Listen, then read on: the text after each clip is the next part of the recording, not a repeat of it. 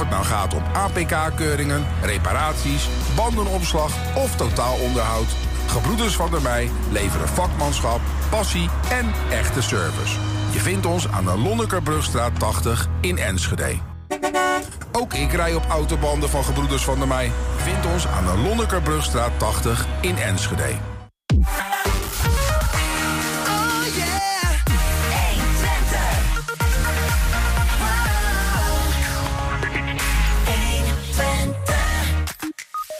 Hogeschool Saxion bestaat 25 jaar, maar de wortels zijn al veel dieper dan dat. Genoeg reden om eh, terug te blikken, te kijken naar het heden en naar de toekomst. En doen we met bestuursvoorzitter Anka Mulder. Ja, wintersport is niet altijd zonder gevaar. Maar wat gebeurt er als je gewond raakt omdat de pistes er niet goed bij liggen? En wie draait op voor letselschade die in zo'n geval ontstaat? Daar hebben we het over met Damstee Advocaten. Gepraat over aflopende contracten op de nieuwjaarsreceptie van FC Twente. En een nieuwe editie van In Depot met vandaag aandacht voor het grootste showcase festival van Europa. En dat in Groningen. Het is donderdag 19 januari. Dit is 120 vandaag. 120. 120 Hogeschool Saxion bestaat 25 jaar. Op 1 januari 1998 fuseerden de besturen van Rijkshogeschool IJsselland en Hogeschool Enschede. De stichting Hogescholen Oost-Nederland, die daarmee werd geboren, veranderde twee jaar later in 2000 van naam inderdaad Saxion. Maar daar ging heel wat aan vooraf. De hogeschool van nu is een product van het rijke onderwijsverleden van Deventer... en de maatschappelijke initiatieven van ondernemende Twentse textielhandelaren... zo zegt de hogeschool zelf. We gaan eens over praten, over dat verleden... en ook over het heden en de toekomst van die school doen... met de bestuursvoorzitter Anka Mulders is bij ons. Welkom. Dankjewel. En gefeliciteerd. Dankjewel. Die naam Saxion, misschien om daar even bij te beginnen... die ontstond dus in het jaar uh, 2000. Waar komt die eigenlijk vandaan? Dat is een goede vraag. Ik denk dat het te maken heeft met, uh, ja, met het gebied in Oost-Nederland, Saxen. Ja. Uh, een soort mooie Latijnse versie ervan. Uh, het, het, klinkt heel goed, vind ik. Het klinkt ook echt als een goede hoger onderwijsinstelling van deze regio. En dat past denk ik heel erg, want Saxion is er voor zijn regio. Dat was vroeger zo. en dat is nog steeds zo. En ik denk in de toekomst ook. Nou, als we daar eens over gaan hebben, want ik zat te denken, ja, het is best wel een rijk verhaal wat dat betreft, uh, dat verleden. Uh, maar er gebeurt nu ook veel in de toekomst. Ik dacht, waar, waar moeten we eigenlijk beginnen? Maar misschien logischerwijs toch uh, even gewoon bij het begin. Misschien is dat handig, maar ze zullen ongetwijfeld af en toe door elkaar gaan, omdat het verleden invloed heeft op, op het heden wat dat betreft. Um, het, Saxion is ontstaan, zoals ik al zei, uit, een soort van, uit de, de hogescholen in Deventer en in Enschede. Ja, dat klopt. Uh, je had aan het eind van de vorige eeuw had je, uh, een soort golf waarin heel veel wat kleinere hogescholen uh, met elkaar fuseerden. Dat was ja, omdat dat efficiënter was. Dat zag je eigenlijk overal in Nederland. En hier in Oost-Nederland was het natuurlijk voor de hand liggend dat Deventer en Enschede samen zouden werken. En, mm -hmm. um, dus ik denk dat best wel veel hogescholen op dit moment een of ander jubileum vieren. En wij dus ook 25 ja, ja, jaar. Ja. Okay. Maar, maar toch, ik denk, uh, als je dan uh, uh, als je terugkijkt naar het langere verleden, dat deed jij net zo net ook al. Ja. ja, dan hebben we zo'n rijke geschiedenis. Ja, laten we, laten we daar eens in induiken. Hè. En dan, wij, kijk, wij zitten nu hier in Enschede en de Twentse zender. Dus we zijn ook heel benieuwd te horen wat dat Twentse verhaal is. Dat, over die textielhandelaren, hun maatschappelijke betrokkenheid. Um, maar beginnen even ook bij Deventer. Ook een belangrijk fundament. Ja. Uh, een Hansestad, vroeger. 1500. Klopt. Uh, veel handelaren heeft invloed gehad, toch?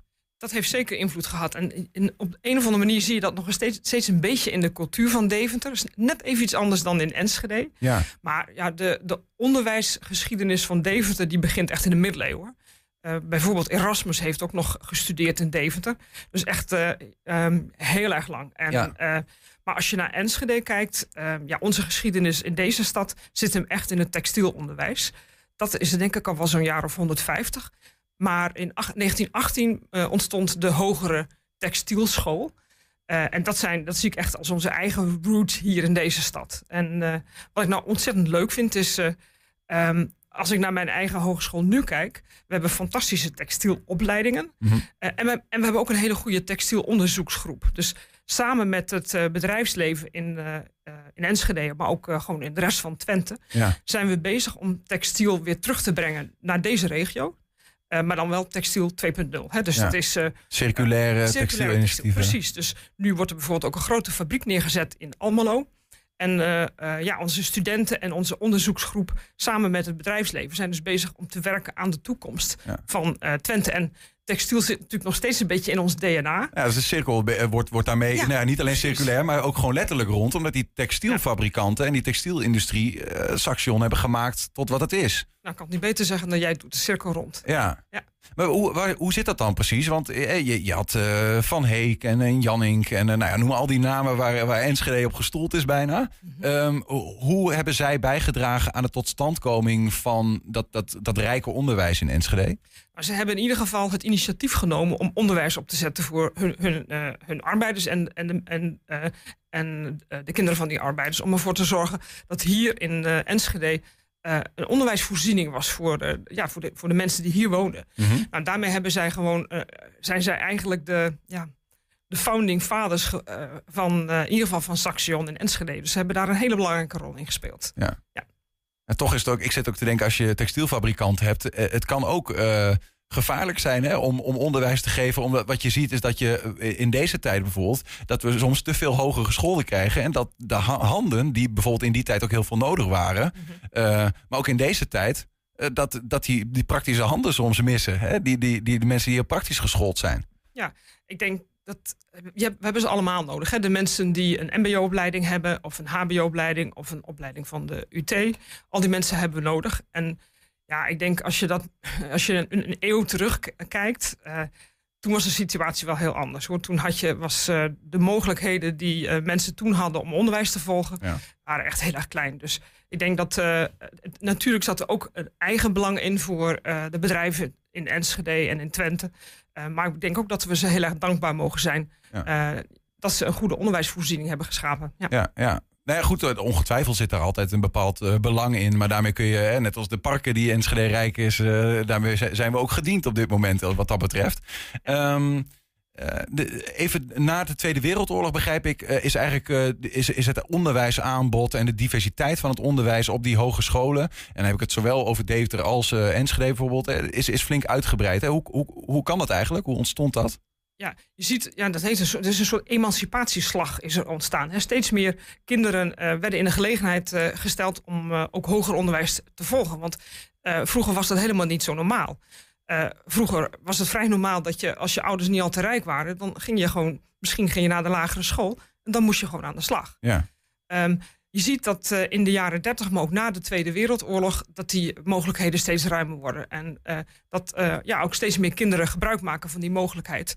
Eh, het aanbod wordt ook breder en daarmee zie je dat eh, hogescholen elk jaar ook een stukje groter worden en steeds meer eh, nieuwe opleidingen aanbieden. Ja, ja.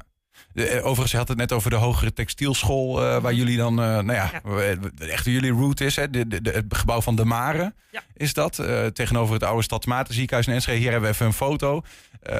Onlangs nog het 100-jarige bestaan van dit gebouw gevierd. Hier is het dan soort van begonnen, ook voor jullie, dat is het gevoel. Dat is wel mijn gevoel. Ja. En, eh, daar zit nu onze vriend, het ROC, Ja. het ROC van Twente.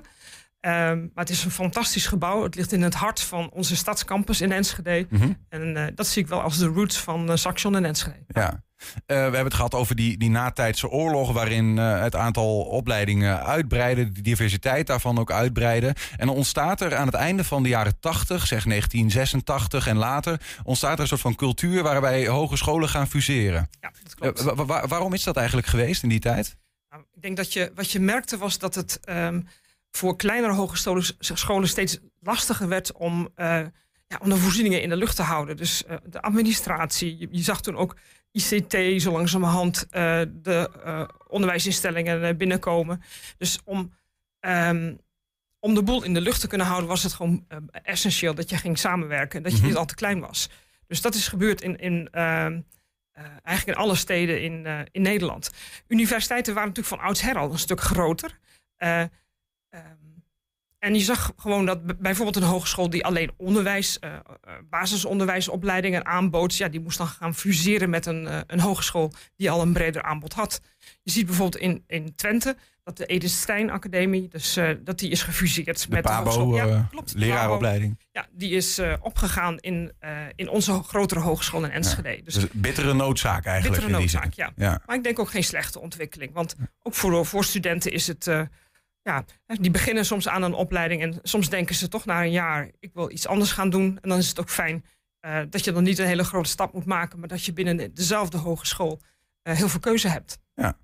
Nou onder die fusies hè, in Deventer, en het, bekijk even af, uh, de, de Hogeschool IJsselland ontstond daar in 1986. Maar ook in Twente, hè, waar uiteindelijk de Saxion uit ontstond. In Twente waren er verschillende fusies. Hè. De Mare ging met de HTS-opleiding in Enschede en Hengelo. In 1989 ontstond dan de Hogeschool Enschede, of die was dat. En dan krijg je op 1 januari 1998, op het moment dat ook die besturen vanuit Deventer en Enschede samengaan ook diezelfde, diezelfde beweging waar je het net over had. Samen kun je efficiëntieslagen maken en meer bereiken. Dat klopt precies. En, maar je kunt je ook wel voorstellen dat uh, uh, Deventer en Enschede... dat dat wel een beetje een cultuurontwikkeling was. Hè? Dus uh, je ziet in... Eh, als je kijkt naar de stad als Amsterdam... Ja, dat, dat waren gewoon hogescholen in één stad. Maar um, een, een hogeschool als Saxion die ontstond... Wij zitten van de Duitse grens tot aan nu Apeldoorn. Dat is echt een enorm gebied. Um, ik denk dat je nu kunt zeggen dat wij echt wel één Saxion zijn. Um, maar mijn voorgangers zullen echt wel wat tijd hebben moeten stoppen in uh, ja, ervoor zorgen dat uh, mensen zich niet bleven voelen als uh, Hogeschool IJsseland en Hogeschool Enschede. Ja, dus, ja dat heeft de tijd nodig. Nou, ja, daar is wel een paar jaar overheen gegaan. Het is inmiddels 25 jaar geleden dat die fusie plaatsvond. En jullie hebben naar aanleiding van dat 25-jarig jubileum een video gemaakt. Ja.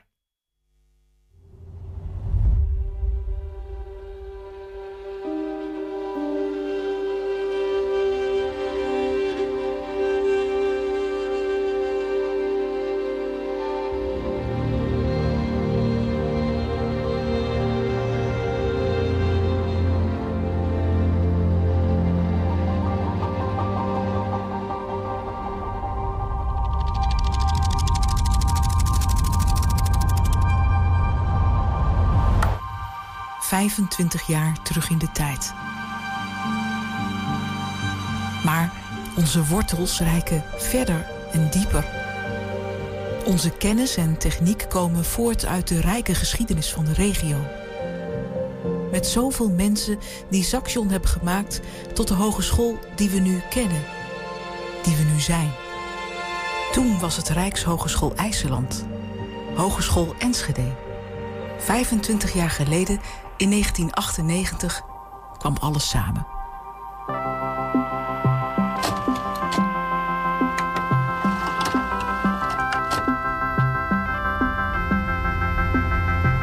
In die tijd bundelden we onze krachten. Samen stonden we sterker.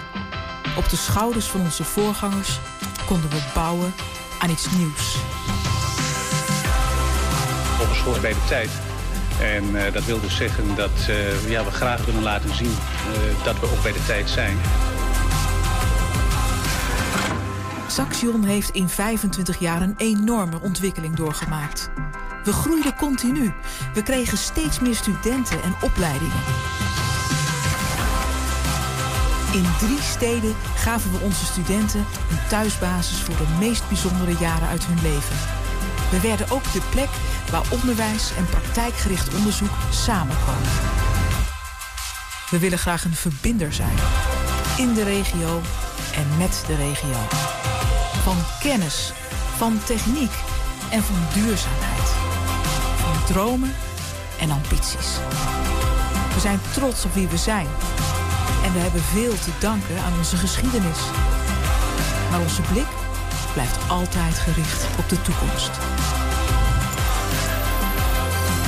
25 jaar samen Saxion. Terugkijken is vooruitkijken. Ja, mooie video van uh, zo'n 25 jaar uh, Saxion. Enorm gegroeid. Hoeveel leerlingen zijn er op dit moment? We hebben ruim 27.000 studenten. Goedemiddag. Ja, ja dat, is, uh, ja dat is een heleboel, ja. ja die ja, maar allemaal in, in de dat gaten filmpje, houden. Misschien waren dat wel jullie ouders, hè? Dat weet maar ja, dat zou maar zo dat kunnen. zou zomaar kunnen, ja. ja. Ik denk niet die van mij, die studeren daar niet. Maar het, ik bedoel, ze zitten ertussen, ongetwijfeld. Ja. Het is een hele generatie wat dat betreft. Ja. Um, wat zou je zeggen, want je hebt al net iets gezegd over uh, het, het, DNA eigenlijk van, van het Twentse uh, kom af bij, bij textiel. Die vinden we terug. Uh, op welke manieren? Vooral in dat, dat we nu nog steeds gefocust zijn deels op die textielindustrie of um, of op meerdere manieren? We, Saxon eh, heeft natuurlijk een veel breder aanbod dan textiel. Precies. Want Dat is niet een van onze grote opleidingen. Maar eh, we zijn er wel hartstikke goed in. Dus zo zie je dat terug. Eh, kijk, ik denk. eh, het geeft denk ik ook goed aan wat een, hoog, wat een hogeschool is. Hè. Wij, wij, zijn, wij zijn er voor onze regio. Eh, natuurlijk, we hebben studenten ook uit andere delen van Nederland. En zelfs internationale studenten. Maar eh, wij zijn er vooral voor Oost-Nederland, voor Mhm. deze regio. Ja. Als je kijkt naar eh, hoe- hoeveel studenten wij sinds we Saxion heten hebben afgeleverd hè, voor de arbeidsmarkt in Oost-Nederland, dan zijn er vele tienduizenden. Ik denk, eh, ik kan me niet voorstellen dat er een ziekenhuis is of een zorginstelling of een midden- en kleinbedrijf waar niet iemand werkt van Saxion. Dus daarmee ben je gewoon zo belangrijk voor een regio. En eh, nou, dat wil ik zo houden en daar ben ik ook hartstikke trots op. Wat zijn de uitdagingen eigenlijk, eh, anno 2023, voor een hogeschool? Ja. Nou, hm, dankjewel voor die vraag. Ehm, ik denk dat we... We gaan een soort knik tegemoet. Ehm, jij vroeg net naar onze studentenaantallen. Dat zijn Ja. er zo'n 27.000. Ehm, en we zitten in een... eh, we, kennen jaren, eigenlijk alleen maar jaren van... iedere keer een beetje groter worden. Dus elk jaar net even iets meer studenten dan het jaar eh, daaraan voorafgaand. Maar eh, wat we nu gaan zien, en dat heeft te maken met de demografische ontwikkeling van eh, Oost-Nederland, is dat we minder studenten zullen hebben. Dus elk jaar een, een- beetje kleiner zullen worden. Mhm. Gewoon omdat er eh 20% minder kinderen zijn op dit moment dan, dan we in het verleden hadden. Ja. En ehm, dat is op zich geen probleem. Saxion kan ook wel een beetje kleiner worden. Hebben we wat minder gebouwen of wat minder medewerkers, wat minder studenten. Ja. Maar het is niet goed voor Oost-Nederland. Want ehm, het werkloosheidspercentage in Oost-Nederland is ongelooflijk laag. Lager dan het landelijk gemiddelde. Ehm, bedrijven, eh, bedrijven vragen ons om technisch personeel. Ehm, de scholen, de basisscholen hebben onze docenten nodig. Er zijn Eh, handen tekort. ja, er zijn, er zijn echt te weinig. Er zijn zoveel vacatures. Ja. Ik, hoor ook wel eens van: kun, kunnen jullie niet meer mensen voor de techniek opleiden? We hebben al best wel veel studenten in de techniek. Maar de realiteit is ook dat de tekorten er ook zijn in de andere sectoren. Of het nu de economie is, of de zorg, of het onderwijs. Ja. Ehm, daar, daar moeten we dus echt over nadenken wat we daaraan gaan doen. Ja, daar kan ik wel oplossingen voor noemen. Maar daar, daar, daar hadden de, de, de, de mensen, zeg maar, eh, vijf à tien jaar geleden dan eh, nou ja, op een zekere manier hun best voor moeten doen. Om, om wat meer te zorgen dat er wat meer Twentenaren eh, ontstaan. Tenminste, dat Ja. wordt in sommige landen gezegd. Hè, van nou, zorg maar voor meer bevolking, want we hebben handentekort. Ja, dat klopt. Dus die verantwoordelijkheid heeft een hogeschool nog weer niet. Maar, maar eh, kijk, wa- waar we wel mee bezig zijn, is bijvoorbeeld kijken of eh, we wat meer associate degree opleidingen kunnen eh, opzetten. Dat zijn opleidingen van twee jaar voor MBO-studenten. Dus Je kunt ook bij ons een vierjarige bacheloropleiding doen, Hmm. maar niet iedereen wil dat. En, ja, en in bepaalde, op bepaalde gebieden is het toch echt goed om, om die tweejarige opleiding te hebben. En veel MBO-studenten willen dat ook doen. Dus daar zijn we mee bezig. Ja. We zijn ook, moet ik zeggen, eh, met het bedrijfsleven kijken we toch ook naar eh, internationale studenten. En dan niet studenten die hier studeren en weer naar hun eigen land teruggaan. Maar kijken of we toch een aantal van die studenten er- ertoe kunnen bewegen om eh, hier een, een toekomst te zoeken. Hè? Om hier bij een bedrijf aan de slag te gaan. Wa- Waar, waar, waar we eerder ook kop, krantenkoppen herinneren van dit jaar... waarin eigenlijk de universiteit zegt blijf weg... want er is geen, er is geen huisvesting voor, voor iedereen. Nou, dat wil ik toch even rechtzetten. Ja. Ik kan me die krantenkop herinneren. Maar we hebben eh, de UT en Saxion samen met eh, het bedrijfsleven in Twente... Ja. hebben ervoor gezorgd dat dat probleem binnen maanden is opgelost. Dat heb ik nog nergens in Nederland ergens anders Huisvestingsprobleem Ja. is er niet meer voor studenten op deze, Nee, dit we, moment. we werken echt heel goed samen met de bedrijven. En ik, ik, ik vind daar mogen we in Twente echt trots op zijn. Ik eh, heb ook ergens anders in Nederland gewerkt... eh, waar die problemen veel groter waren, in het westen van Nederland. Ja. En hier in Twente zorgen we gewoon ervoor dat we die problemen oplossen. Ja. Je zegt net, ehm, ik mocht toetoyeren, dat Ja. bij deze even gezegd. Eh, eh, het aantal, eh, je, probeert ook eh, van die tweejarige opleidingen aan te bieden voor, voor mbo'ers... die bijvoorbeeld dan kunnen doorstromen. En eh, eh, krijg je daardoor niet een gat aan de onderkant? Eigenlijk wat ik net ook al noemde, we hebben in Nederland ook gewoon een tekort aan hele praktisch geschoolde mensen. Ja, in hoeverre werken jullie daarin samen? Kijk je samen naar wat heeft nou Nederland nodig... en wat moeten wij daarin als- onderwijs dus doen om dat te faciliteren? Ja, we, we werken zeker samen. Ik denk eh, dat eh, er ook niet veel regio's zijn waarin de samenwerking tussen de onderwijsinstellingen zo goed is. Dus eh, wij met het ROC van Twente en ook met eh, de UT werken ontzettend goed samen. En we kijken inderdaad naar de behoeften op de arbeidsmarkt. Maar we kijken ook naar, naar de studenten zelf, hè, wat zij nodig hebben. Dus misschien uh, goed om te weten, maar we, we hebben al, al jaren iets wat het 100 dagen programma heet. Voor mbo-studenten die ervoor kiezen om bij ons te gaan studeren. Mhm. Nou, het is voor lang niet alle mbo-studenten gewoon ook makkelijk om die overstap te maken. En samen met het ROC van Twente hebben we een programma ontwikkeld. Um, om die stap gewoon uh, veel makkelijker te maken. Dus om alvast, voordat je bij ons begint, uh, te wennen aan het HBO-onderwijs. Ja. Zodat als je bij ons uh, start, dat je kans zo groot mogelijk is om je kans van slagen zo groot mogelijk is. Ja. Maar dat is maar een van de vele voorbeelden. Ook op onderzoekgebied werkt, werken wij samen met de UT, en, maar we werken ook samen met het ROC van Twente. Mm -hmm. Wij worden ook in, in de politiek in Den Haag als, als goed voorbeeld genoemd van samenwerking tussen Ja. onderwijsinstellingen. Nee, maar en ik snap ook wel dat je, ehm, dat je kijkt naar van ja, hoe groot is eigenlijk het, eh, de, de afzetmarkt van onze studenten? Hoe zeg je dat? Nou ja, kunnen ze aan de slag? Hè? Kunnen ze een kans bieden? Maar andersom is het natuurlijk ook zo dat er sectoren zijn in onze samenleving die gewoon behoefte hebben aan heel praktisch geschoolde mensen. En als wij hen uitdagen om telkens eh, theoretischer geschoold te worden in dat opzicht, eh, ja, dan zit daar een gat. Hè? Dus kijk je daar ook naar als, als onderwijssysteem van ja, wat heeft Nederland eigenlijk nodig? En moeten we niet op een gegeven moment zeggen, pot slot, bij wijze van? Of denk ik dan te gek? Nou, ik denk, ehm, ik denk dat je daar zeker naar moet kijken. Ehm, eh, maar om heel eerlijk te zijn, er is een tekort aan MBO-opgeleide mensen, maar er is ook een tekort aan HBO-opgeleide Ja, mensen. ja. En als je nadenkt over waar we het allemaal over hebben in de politiek, over de, de grote maatschappelijke uitdagingen, zoals van het gas af, goede zorg of betaalbare zorg, of hoe houden de mensen bij de samenleving. Eh, het HBO speelt daar gewoon een heel belangrijke rol in. En dat zijn onze studenten. Dus dat zijn onze elektrotechnici die wij opleiden. Of de studenten social work die wij opleiden. Of Ja. de, de, jij noemde ze al, eh, de studenten die de PABO doen bij ons. Die zijn echt broodnodig voor, eh, voor al die maatschappelijke uitdagingen. Dus ik vind, ehm, ehm, je hebt ze allemaal nodig. Hè. De, ik, ik vind als, als mensen een mbo-opleiding willen doen, vind ik perfect. Ehm, maar als ze ervoor kiezen om bij ons aan de slag te gaan, om bij ons te studeren, dan eh, moeten we die, eh, die overstap zo goed mogelijk eh, faciliteren. Ik wilde het eigenlijk nog hebben over ChatGPT. Eh, maar goed, we hebben bijna geen tijd meer. En ik wil ook nog even horen van eh, hoe gaat Saxion nou dit jaar invullen. Maar misschien toch dan heel kort. Hè? We- Een blik naar de toekomst. We hebben daar eigenlijk nu al een heel gesprek over gehad. Waar liggen de uitdagingen? Maar dat soort eh, fenomenen komen er ook in één keer in. Hè? Een, een, een AI, een, eh, een, een slimme computer die eh, verslagen schrijft voor leerlingen. En ze vragen gewoon, schrijf voor mij een verslag over de geschiedenis van Saxion. En je krijgt bij wijze van een verslag over de geschiedenis van Saxion. Eh, hoe ga je daar als school mee om? Dat is bijna ondoenlijk op een zeker moment, lijkt me. Ja, ik heb eh, een heel leuk filmpje erover gezien eh, op de, van de Tubantia.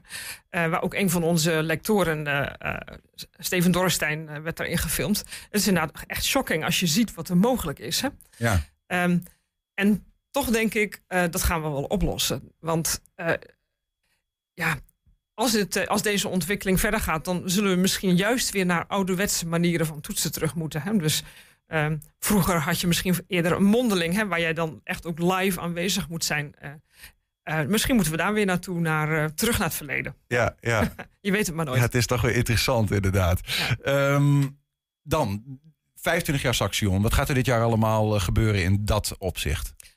We gaan. eh, ehm, we proberen natuurlijk zo vaak mogelijk aandacht te vragen voor dat jubileum. En ook al hebben we een veel langer, langere geschiedenis en is dit eigenlijk alleen maar het vieren van, van de fusie, eh, willen we er toch eh, f- een flink aandacht aan besteden. Want eh, ja, dat verleden, die 25 jaar, dat is natuurlijk wel wat jouw identiteit eh, eh, maakt. Hè? Dus eh, dat vinden we heel belangrijk. En we gaan ook zeker een groot feest geven voor onze studenten en medewerkers. Jammer dat ik er niet meer op zit. eh. Of is het ook voor oud? eh, voor? Probeer je jezelf naar uit te nodigen, Niels? Oké, ik hoor net volgens mij, je bent van Volgens harte... mij zijn van harte welkom. Oh, nou ja. Deze. Anka Mulder, bestuursvoorzitter van Saxion. Eh, nogmaals gefeliciteerd, een mooi jaar gewenst en eh, dank voor de komst. Dankjewel. Zometeen, wintersport is natuurlijk niet altijd zonder gevaar. Maar wat gebeurt er als je gewond raakt omdat de pistes er niet goed bij liggen? En wie draait op voor letselschade die in zo'n geval ontstaat? Dat vragen we aan letselschadeadvocaat Lex Neumann. En we zijn nog steeds op zoek naar verhalen van jou, van je buurman, van je buurvrouw. over in hoeverre je getroffen wordt door hoge prijzen. Door hoge brandstofprijzen, hoge energieprijzen, hoge eh, boodschappenprijzen. En laat het ons even weten via 120.nl/slash vragenlijst. 120. 120 vandaag. Ja, de nieuwjaarsreceptie van FC Twente kende dit jaar een iets andere opzet dan bij voorgaande edities. In een soort voetbalforum werden hoofdtrainers Ron Jans, technisch directeur Jan Strooijer en algemeen directeur Paul van der Kraan aan de tand gevoeld. Terugkomend thema: contracten. Hoe ziet de toekomst van deze drie eruit bij de club?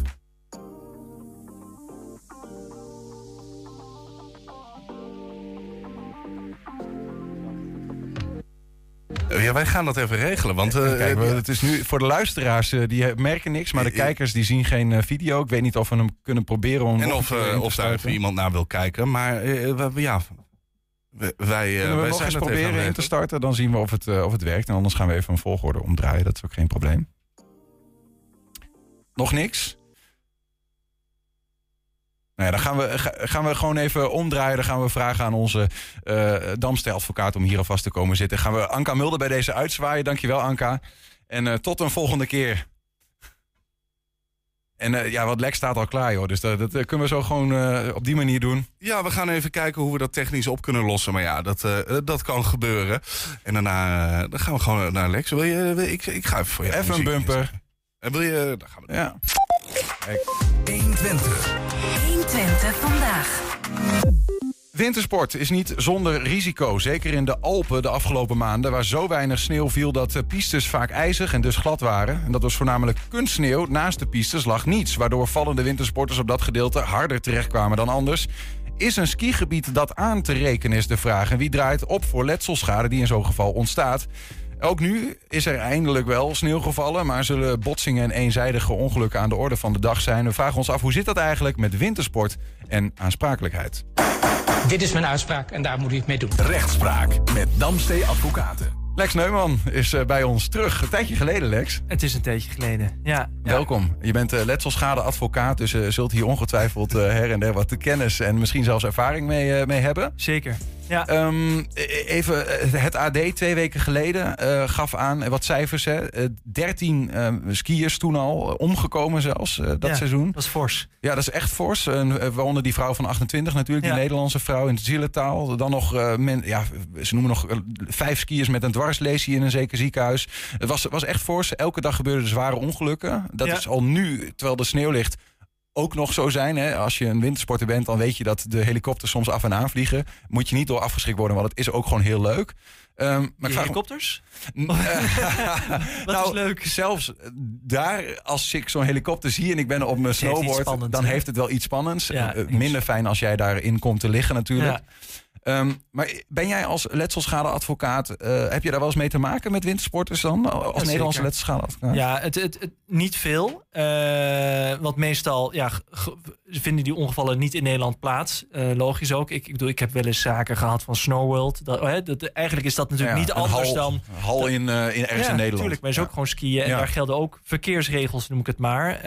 Um, ja, en in het buitenland gebeurt het ook wel eens. Mm -hmm. um, en zeker op het moment... En dat, dat is dan wel... Ja, ik ga geen college internationaal Europees uh, recht geven. Maar op het moment dat bijvoorbeeld de, de dader, noem ik het dan maar eventjes, in Nederland woont. Mm -hmm.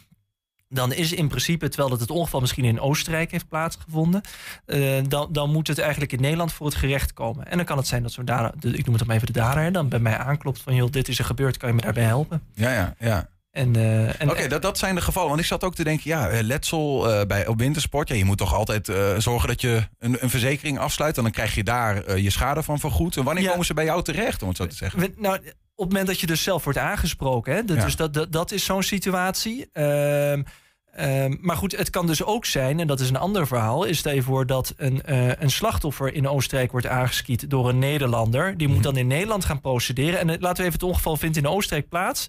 De dader die woont in Nederland, slachtoffer die woont in mag Engeland zijn, elk land ter wereld. Mhm. Dan moet die procedure in Nederland plaatsvinden. Dan heb je Ja. dus een Nederlandse advocaat nodig die hier in Nederland de, de regels kent. Ja. Ehm, en, en, en zo komen dus ook weer de slachtoffers bij mij aankloppen. Van ja, goed, eh, de dader woont in Nederland, kan je me helpen? Ja. En dat gaat dan vaak via buitenlandse rechtsbijstandsverzekeringen. ehm, dat, maar dat gaat via Maar het gaat vooral over daders dan, die je bijstaat. Daders, of of nou, nee, slachtoffers. kan het zo goed. Het gaat er eigenlijk alleen om is dat in ieder geval uiteindelijk ehm, de procedure komt in Nederland Mhm. op het moment dat de dader in Nederland woont. Dat Ja, is even, laat ik het zeggen, even de hoofdregel. Ja, ja. Ja.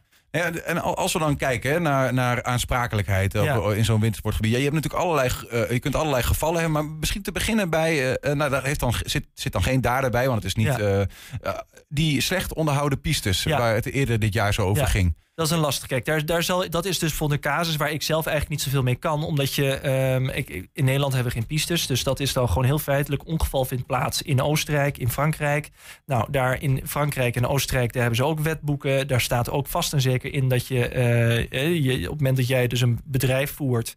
Want dat zijn het, hè? Het is skipistes zijn gewoon eigenlijk Ja. gewoon terreinen van bedrijven. Dan moet je dat op een goede manier moet je daar eh, onderhoud aan plegen. Ehm, en op het moment dat een, een skipiste niet voldoende eh, veilig is, dan moet je de tent sluiten. Of in ieder geval waarschuwen dat er bepaalde dingen zijn. Doe je dat niet, dan ben je eigenlijk nalatig. Ja. En dat is dan even naar Nederlands recht vertaald.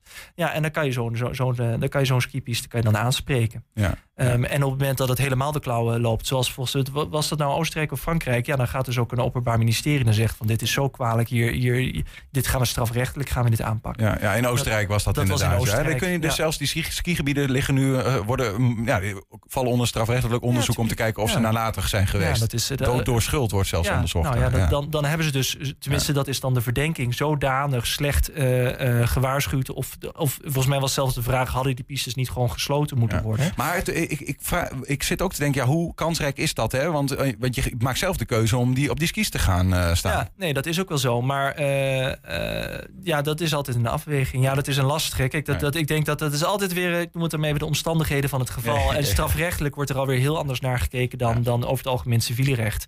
Ehm, en het zal vast, en ik ben er helemaal niet thuis in eh, wat preciezer in Oostenrijk allemaal in, de, in, de- in, de- in een kleine specifieke regeltje staat. Maar het kan best zijn dat ze daar iets heel specifieks voor skibistes hebben geregeld. Want dat is natuurlijk ook iets wat daar veel meer voorkomt dan hier. Ja, precies. Dus ehm, ja. Ehm, eh, dan de- naar ongevallen waar jij eh, wel mee te maken Ja. krijgt. Omdat er bijvoorbeeld een dader bij je komt en soms Ja. misschien een slachtoffer. Ja. Eh, dat zijn ongevallen waarbij er op zeker moment twee mensen met iets te maken hebben. Klopt. Eh, Ja. Verschillen die nog van eenzijdige ongevallen waarbij iemand Ja. gewoon...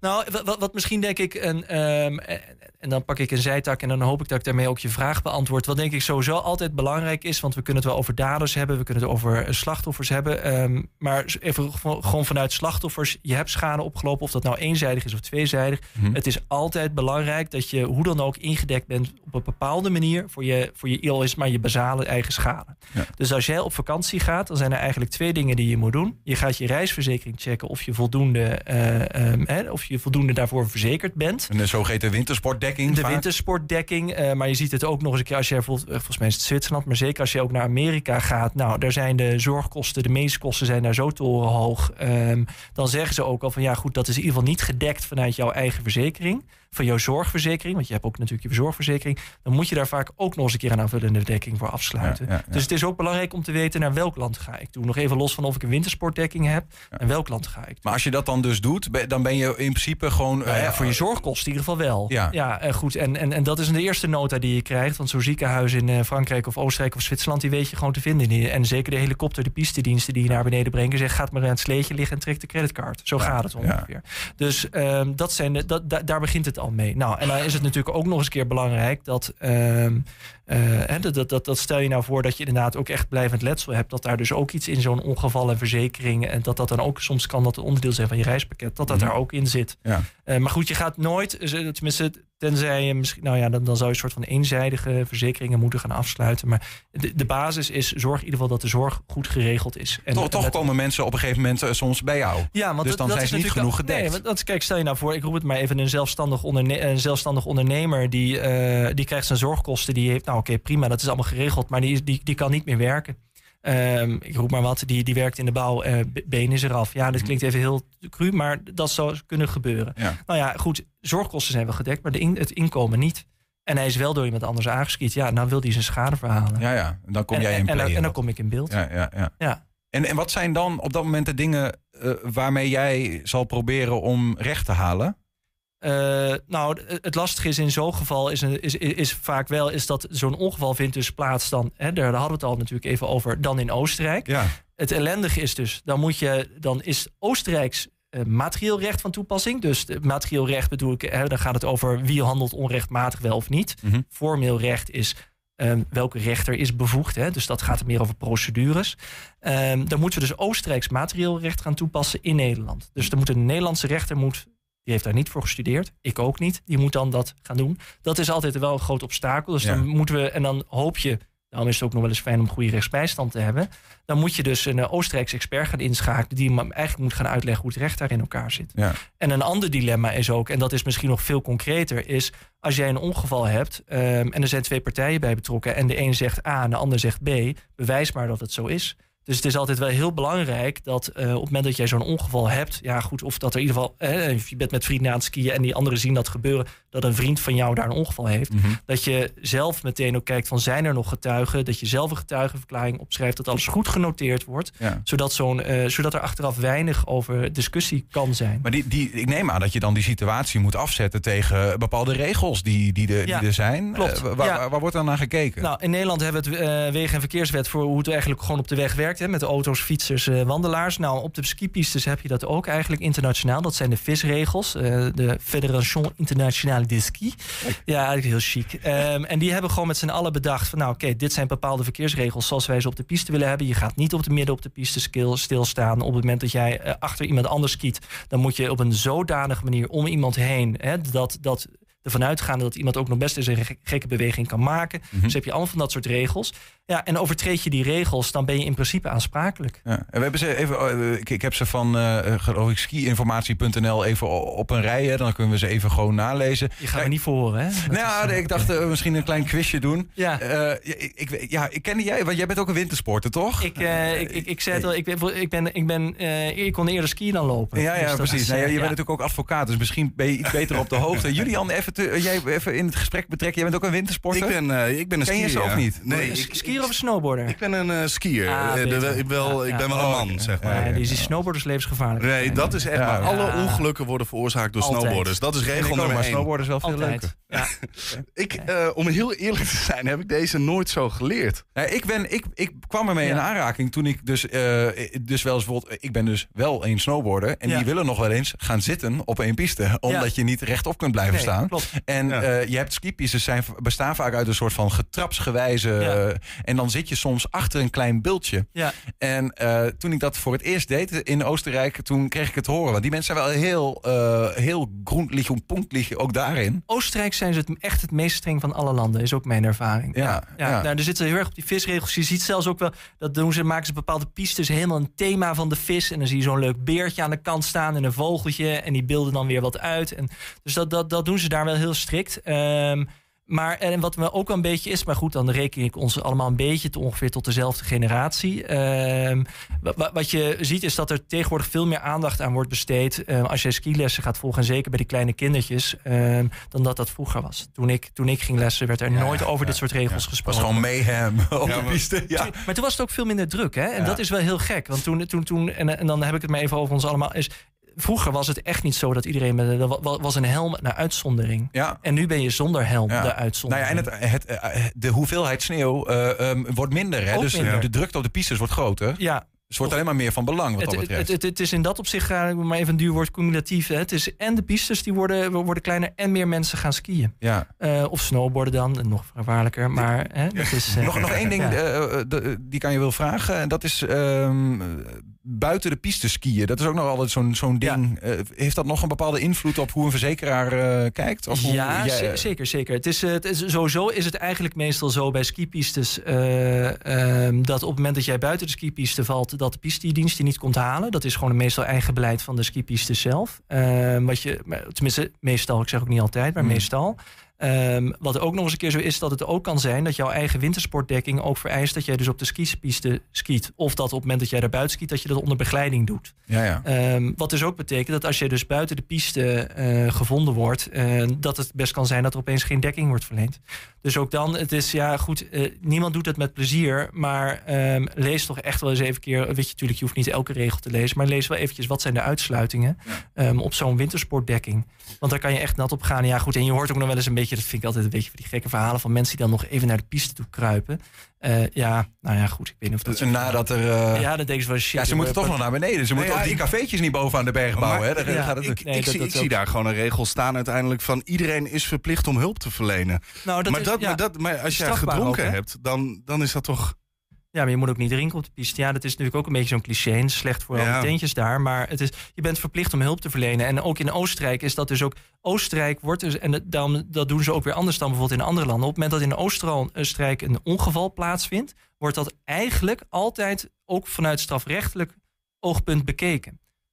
Dus dat is vrij strikt. Ja, daar wordt echt, en dat wil niet zeggen dat er altijd iemand vervolgd wordt, maar ze gaan er eigenlijk, daar wordt eigenlijk bijna altijd onderzoek naar gedaan. Er wordt ook altijd wel aangeraden, doe gewoon aangifte. Ongeacht of het, ja, weet je, als je echt letsel hebt, doe aangifte, hoe dan ook.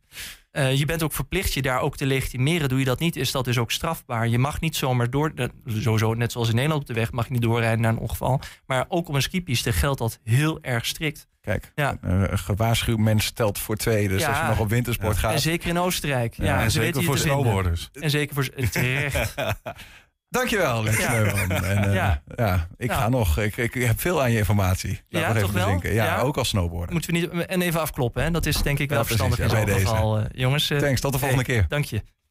Zometeen een nieuwe editie van In Depot met vandaag aandacht voor het grootste showcase festival van Europa. En dat in Groningen.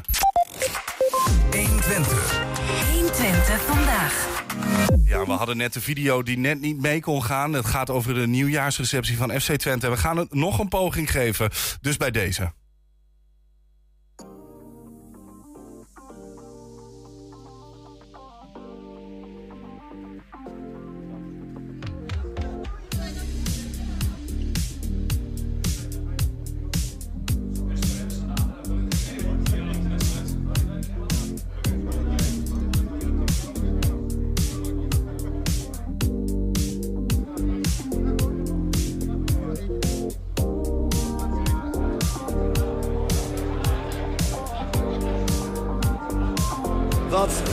2023 ons brengen? We gaan het allemaal bespreken in deze nieuwjaarsreceptie van FC Twente.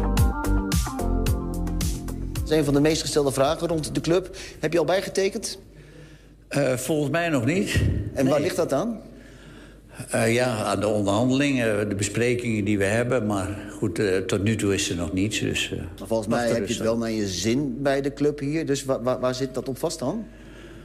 Ja, je moet, je moet bepaalde afspraken hebben. En uh, ja, en uh, de club heeft de wensen, uh, ik heb wensen. Dus ah, laten we het even afwachten. Ik, ik verwacht toch dat het binnen, binnen twee weken dat het geregeld moet zijn, vind ik. Dus jij zegt hier aan tafel dat het eigenlijk voor begin februari wel afgerond kan zijn? Ah, ik, dan kun je verder? Ja, het, het, ik vind wel dat het dan ook een keer moet, weet je. Want je, je krijgt al te maken met het aantrekken van nieuwe spelers en noem maar op. En men gaat dan toch vragen van... Uh, blijf jij, blijf de trainen, noem maar op. We hebben met Jan uh, de gesprekken opgestart uh, een dag of tien geleden. Er is een tweede gesprek geweest en we hebben volgende week een derde gesprek staan. En ja, dan zal langzaam maar zeker wel duidelijk worden wat het gaat worden en hoe dat eruit ziet. En ja, als je dan over dat soort zaken praat, want de vraag zal natuurlijk weer zijn, waarom heb je drie gesprekken nodig? Het gaat toch allemaal goed? Ja, maar je wil wel weten uh, onder welke voorwaarden dat gebeurt. En dan niet eens de voorwaarden van Jan zelf, maar de voorwaarden die de club kan leveren. Uh, hoe ziet het eruit? Uh, welke mogelijkheden hebben we qua salarissen? Wat is het budget? nou, al dat soort dingen komen voorbij. En daar wil je duidelijkheid over hebben naar beide kanten toe. Even los dan van die details die nog rond moeten komen. Dat betekent dat in ieder geval de intentie er van beide partijen is om wel met elkaar door te gaan. Ja, dat is een conclusie van jouw kant. Maar de gesprekken vinden plaats in een hele goede harmonie. Uh, en ik verwacht binnen uh, een week of twee duidelijkheid te kunnen geven. wat de status is. Ik begrijp een beetje rond dat jij zit te wachten op het jaarwoord van Jan. Ik, eh, ik ben nog getrouwd, dus... eh, nee, daar zit, ik, eh, daar zit ik absoluut niet op, eh, op te wachten. Nee. Maar als ik de media een beetje mag geloven... heb jij jouw lot wel een klein beetje verbonden aan het lot van Jan. Dat je zegt van, nou, of we gaan samen Moet de verder. media nooit 100% geloven. Nee? Nee, nee, nee. nee voor mij is het, eh, dat heb ik al een paar keer gezegd... eh, ik wacht tot er contact is met de club. En, en eh, ja, dat is er nog niet geweest, dus... Wij hebben aangegeven dat wij eerst met Jan rond willen zijn. Eh, en de technisch directeur die heeft uiteindelijk de eindbeslissing over de trainer die er komt. Dus eh, het is heel lastig voor ons om nu met de trainer te gaan praten... als het niet duidelijk is wie de technisch directeur is. Dus eerst de technisch directeur en daarna de trainer. Kom misschien ook een beetje, omdat ik kan me herinneren, vorig jaar eh, werd eigenlijk een beetje, leek het alsof zij een beetje gezamenlijk een soort van hadden verlengd. Nou, ook toen is het in die volgorde gegaan. Alleen we hebben dat toen tegelijkertijd naar buiten gebracht. Eh, en eh, wij verwachten eh, ook met Ron duidelijkheid te kunnen geven voor 1 februari.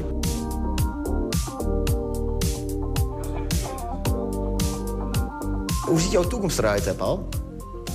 Ehm, ja, op het gevaar of dat ik weer moet veranderen. Maar eh, zoals het er nu uitziet, zo rond 1 september, eh, dan gaat het stoppen. Dan ga ik echt stoppen. Ehm, dan... eh, ja, ja, dat heb ik al een keer of vijf gezegd. Hè. Dat, eh, eh, het ligt in het voornemen om eh, ergens in het voorjaar... mijn opvolger te benoemen, aan te stellen. Dat zal zo ergens nou, mei, juni zijn.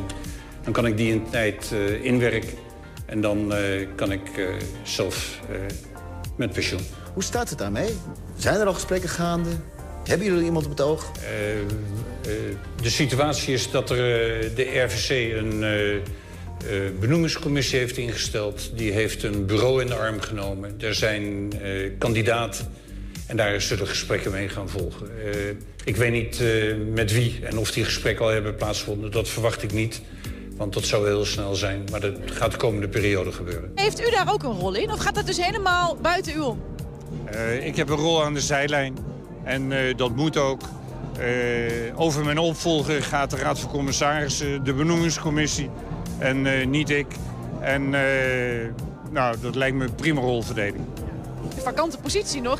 De financieel directeur is begin van dit jaar gestopt. Hoe gaat dat verder? Ja, over de invulling van die kant, daarvan hebben we gezegd... laten we nu eerst zorgen dat de algemeen directeur er is. De, ja, de technisch directeur uiteraard. Maar dan gaan we kijken naar de verdere invulling bij de organisatie. En dan gaan we ook kijken naar die vacature.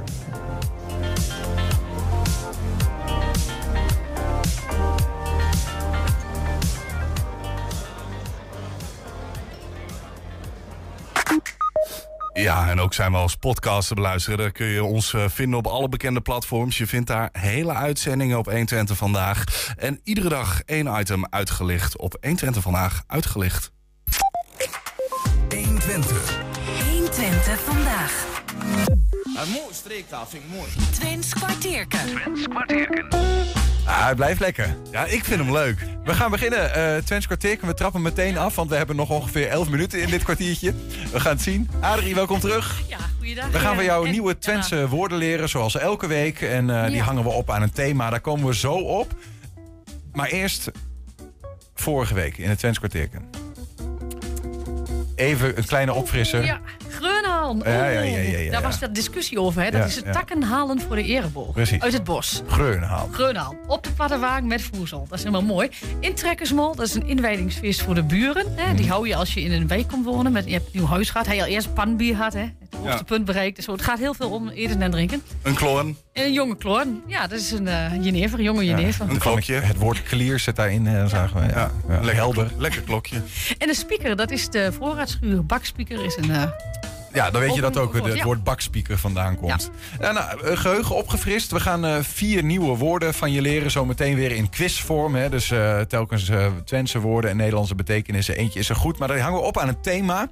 En eh, dat thema gaat dit jaar over iets dat buiten Groningen gebeurt. Maar waar wel Twentenaren aanwezig zijn. Buiten Eh, Twente. Buiten Oh, sorry, Twente. Twen- buiten Twente gebeurt in Groningen. En eh, bijvoorbeeld eh Rondé, S10, eh Sommieu, Aurora. eh, nou ja, er zijn allerlei bekende namen komen er vandaan. Hebben er hun roots. Namelijk op Eurosonic Noorderslag. Een eh, bekend festival in, eh, in Groningen. En daar gaan ook eh, morgen weer, geloof ik, hè? Een aantal Twentenaren naartoe. Leerlingen van, van Artes staan namelijk morgen in de Drie Gezusters daar. En een daarvan is een Maartje Stadhouder, leerling van Artes. En ze is aan de, aan de Zoom. Maartje, goedemiddag. Hallo, goedemiddag. Zin in, morgen? Ja, zeker. Ik ben, ik ben een beetje zenuwachtig, maar ik heb er wel heel veel zin in. Eh, Hoe komt dat? Want eh, leg even uit, welke plek heeft Eurosonic Noorderslag in het eh, muziekleven? Ja, ja Eurosonic is natuurlijk wel, wel de plek waar dan de hele muziekindustrie is in één keer in Groningen. Dus het is gewoon heel fijn als je daar een plekje kan bemachtigen om te spelen. Wat doe je zelf? Wat speel je? Ik, eh, ik ben zangeres en ik maak mijn eigen muziek. Mhm. Dus ik speel eh, met mijn band eh, daar. Ja. Hoe kom je daar zo terecht dan op Eurosonic?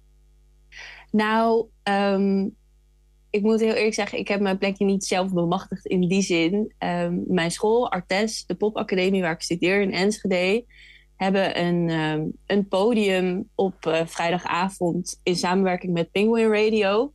En dat is een showcase ehm, voor jonger talent, of in ieder geval opkomend talent. Op, op Eurosonic staan eigenlijk al wat verder gevestigde namen. En ehm, wij mogen dus in de Drie Gezusters, eh, dankzij onze school eigenlijk en Penguin Radio, ehm, allemaal een showcase spelen van ongeveer een half uur. Ja. En eh, laten zien wat we waard zijn. Ja.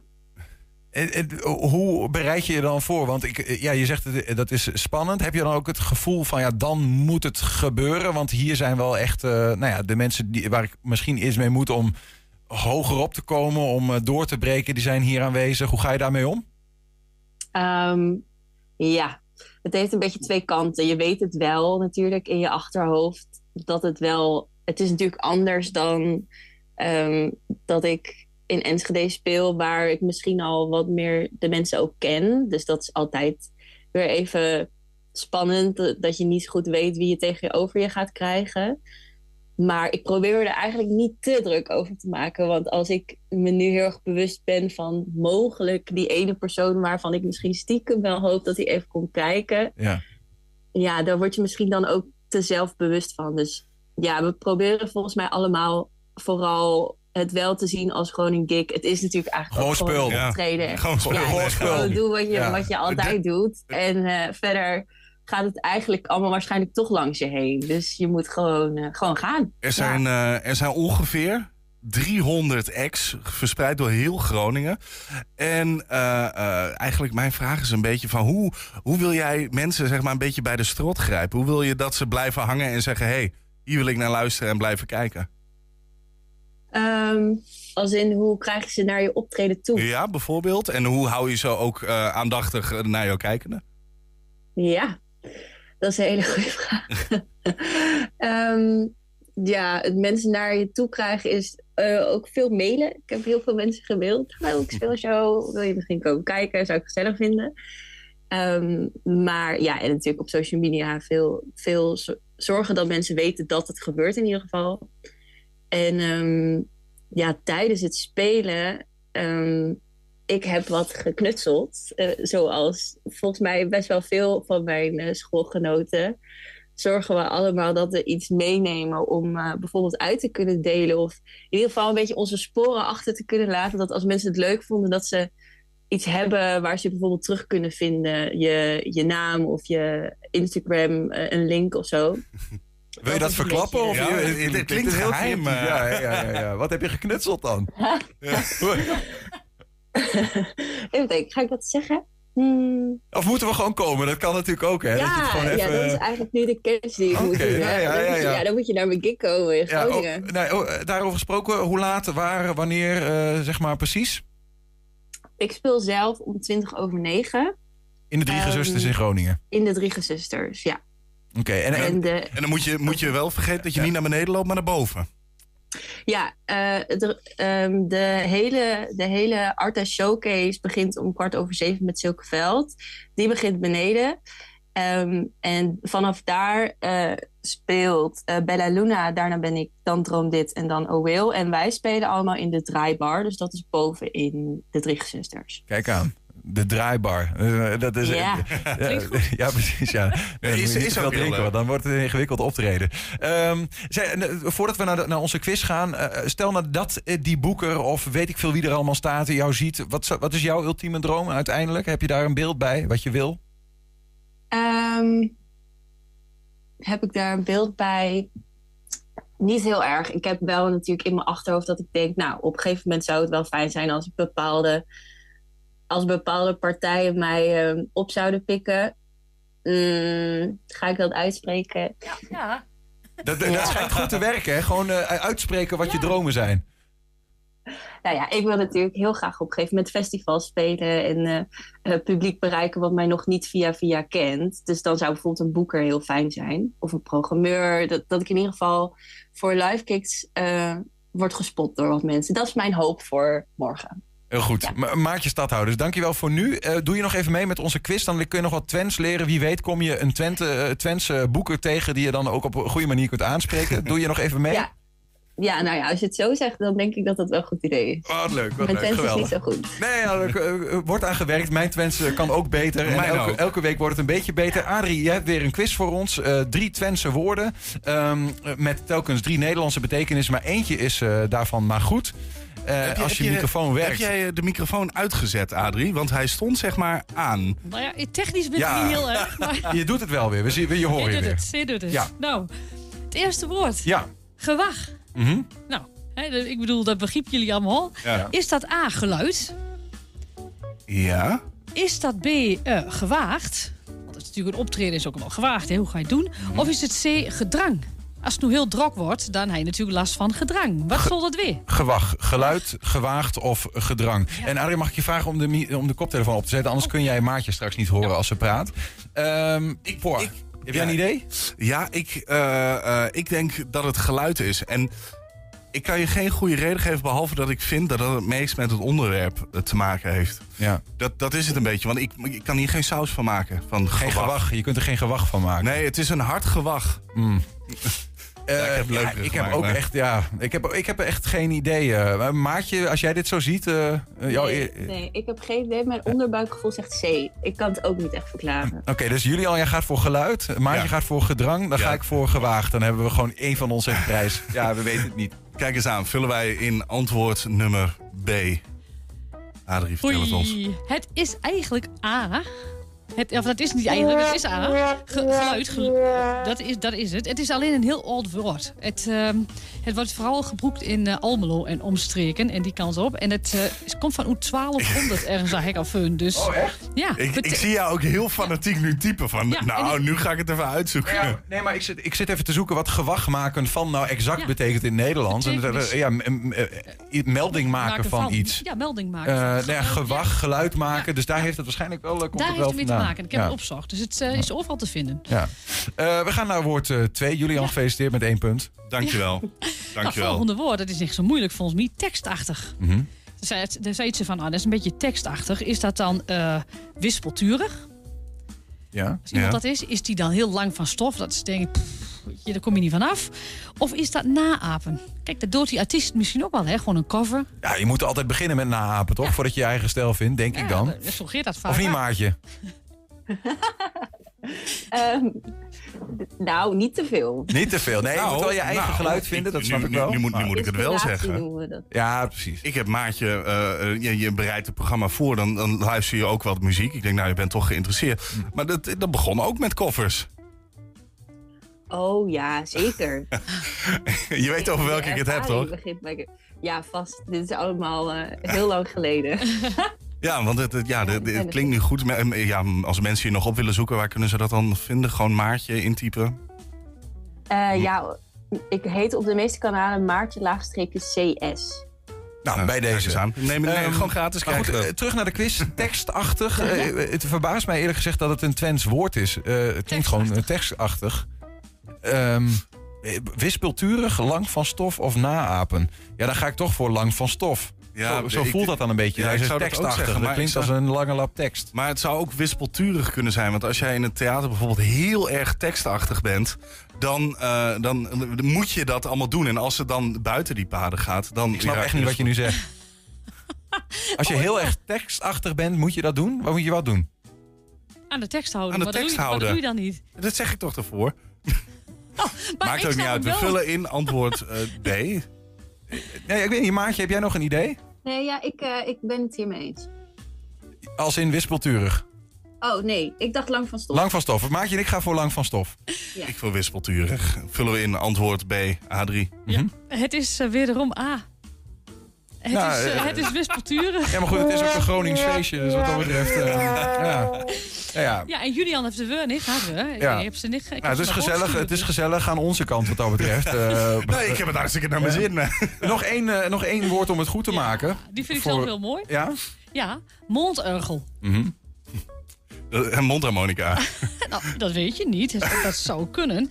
Het zou A, een beugel kunnen zijn. Ja. Is het eh, C, een kwebbelkous? Ja. Of is het C, een mondharmonica? ja, ik moet er nu ook wel voor gaan, hè? Ja, ja, die klinkt ook wel heel logisch. En waarschijnlijk is het dat de- daarom niet. Ja, maar ja, wat, wat moet het anders zijn? Het heeft ook met het thema te maken uiteindelijk. En Ja, als je daar... Jawel, maar je weet hoe Adrie is. Ze zet je op het verkeerde been. Ja, maar dat doet ze normaal alleen met, met woorden wat eigenlijk met drank te maken heeft. Dan doet ze dat nog wel eens. I don't know. Ehm, ja, eh, mondharmonica, eh, ik weet het niet. Eh, Maatje, wat denk jij? Ik denk eh kwebbelkous, omdat ik dat gewoon heel leuk zou vinden als dat het betekent. Kijk, dat zijn ook soms mijn redeneringen. Je wil gewoon dat het zo is. Eh eh, kwebbelkous. Ik, ik denk mij te herinneren dat het inderdaad ook kwebbelkous is. Het is echt een mondurgel van eh, die heeft... eh, eh, ik weet niet. Ja, dus ik ga, ik ga met eh, Maatje mee in dit geval. Vullen wij in antwoord B. Dan hopen dat we nog één punt uit het vuur kunnen slepen. In ieder geval Adrie. Ja. Ik, eh, het, is dit keer eh, Julian in eh Den Alles even. het is mondharmonica. Het is- Ja, leuk. Prima. Hartstikke leuk. Leuk, eh, leuk dat je meedeed, Maatje. Ja, nee. ja hè. Eh, jongens, jongens, jongens. Ja. Nou, ik heb uit een soort van solidariteit met je meegestemd. Nee, nee, nee, grapje, grapje. Ik, ik, ik, ik wist het gewoon ook echt niet. Eh, met weer drie nieuwe woorden geleerd wat mij betreft. We hebben nog één woord te gaan. Daarmee eh, ging, ik denk, daar is ze, Bo de straat op. Deze week weer het Twents woord van de week. En dat is deze week het woord tegenbuzzel. Ja, is het A, tegenstribbelen, B, toeperen of C, het schuren van hout? Ja, ik ben wel benieuwd of de Enschedeers dit woord ook kennen. Tegenbuzzel is het woord. Denkt u te weten wat dat betekent? Ik heb echt geen idee. U mag gokken hoor. Wat is het eerste wat u denkt eh, dat moet het zijn? Ja, ik heb wacht even wat. Tegenstribbelen, toeperen of C, schuren van hout? A. A, tegenstribbelen? Ja. Eh, ik denk dan A. A? Ja. Tegenbussel. Ja. A, B of C? Lijkt te veel op A eigenlijk om A te zijn. Ik denk eh, B. Wat denkt u dat het woord betekent? Ik denk tegenstribbelen. Scheuren. Schuren? Ja. Tegentribbelen. Ja, dat denkt u? Ja, ja, ja. Ja, dat wil ik wel tegenstribbelen. En waarom denkt u dat? Omdat het gewoon zo is. U weet, u kent het woord. Ja, zeker. Nou, volgens mij is het gewoon A. Wat denkt u? A, tegenstribbelen. Schuren. Schuren. Denk ik. Ik zeg C. tegenstribbelen. En waarom denkt u dat? Dat burselen, dat is eh, iets... eh, ja, een keerpunt maken, tegenstribbelen, niet meegaan. Oké, goede Dat is- uitleg. Dat zit erin. En wat denkt u? Ik zou ook tegen, tegenstribbelen En zeggen. waarom denkt u dat? Ja, het klinkt een beetje als... Ja, geen idee waarom. Eh, zeg mijn instinct. Ja? Ja. Ik heb geen idee. Je vindt A Gokje. te voor de hand liggen. Ja, ja, ligt er voor de hand. Weet je het zeker? Ja. Nou, als even even gewoon eraf toe. Ja. Ja. Dat is meest voor de hand liggen. Ja, zeker. Dat weet ik niet. De, de andere lukt er niet op. Is het fout ook een goede antwoord? Nou, waarom denkt u? eh, Nou, tegen, tegen. En eh, het stribbelen lag me te veel voor de hand. En buzzelen, een beetje uh, tegenbuzzelen, schuren, ja. Ja? Wat is mijn idee? Ting, burstel. Dat denk ik. Of het zou toeperen kunnen zijn. Ik weet het niet. Het woord teekbuzzel was er A. Tegenstribbelen, B. Toeperen of C. Het schuren van hout. Ja, heel veel dachten A. Tegenstribbelen. Toeperen heb ik ook wel veel gehoord en C. viel mee. Het schuren van hout. Ja, Kels, wat denken jullie? En Wechter. Ja, eh, ik denk niet C. Ik denk niet schuren. Ik denk C, schuren. Oh.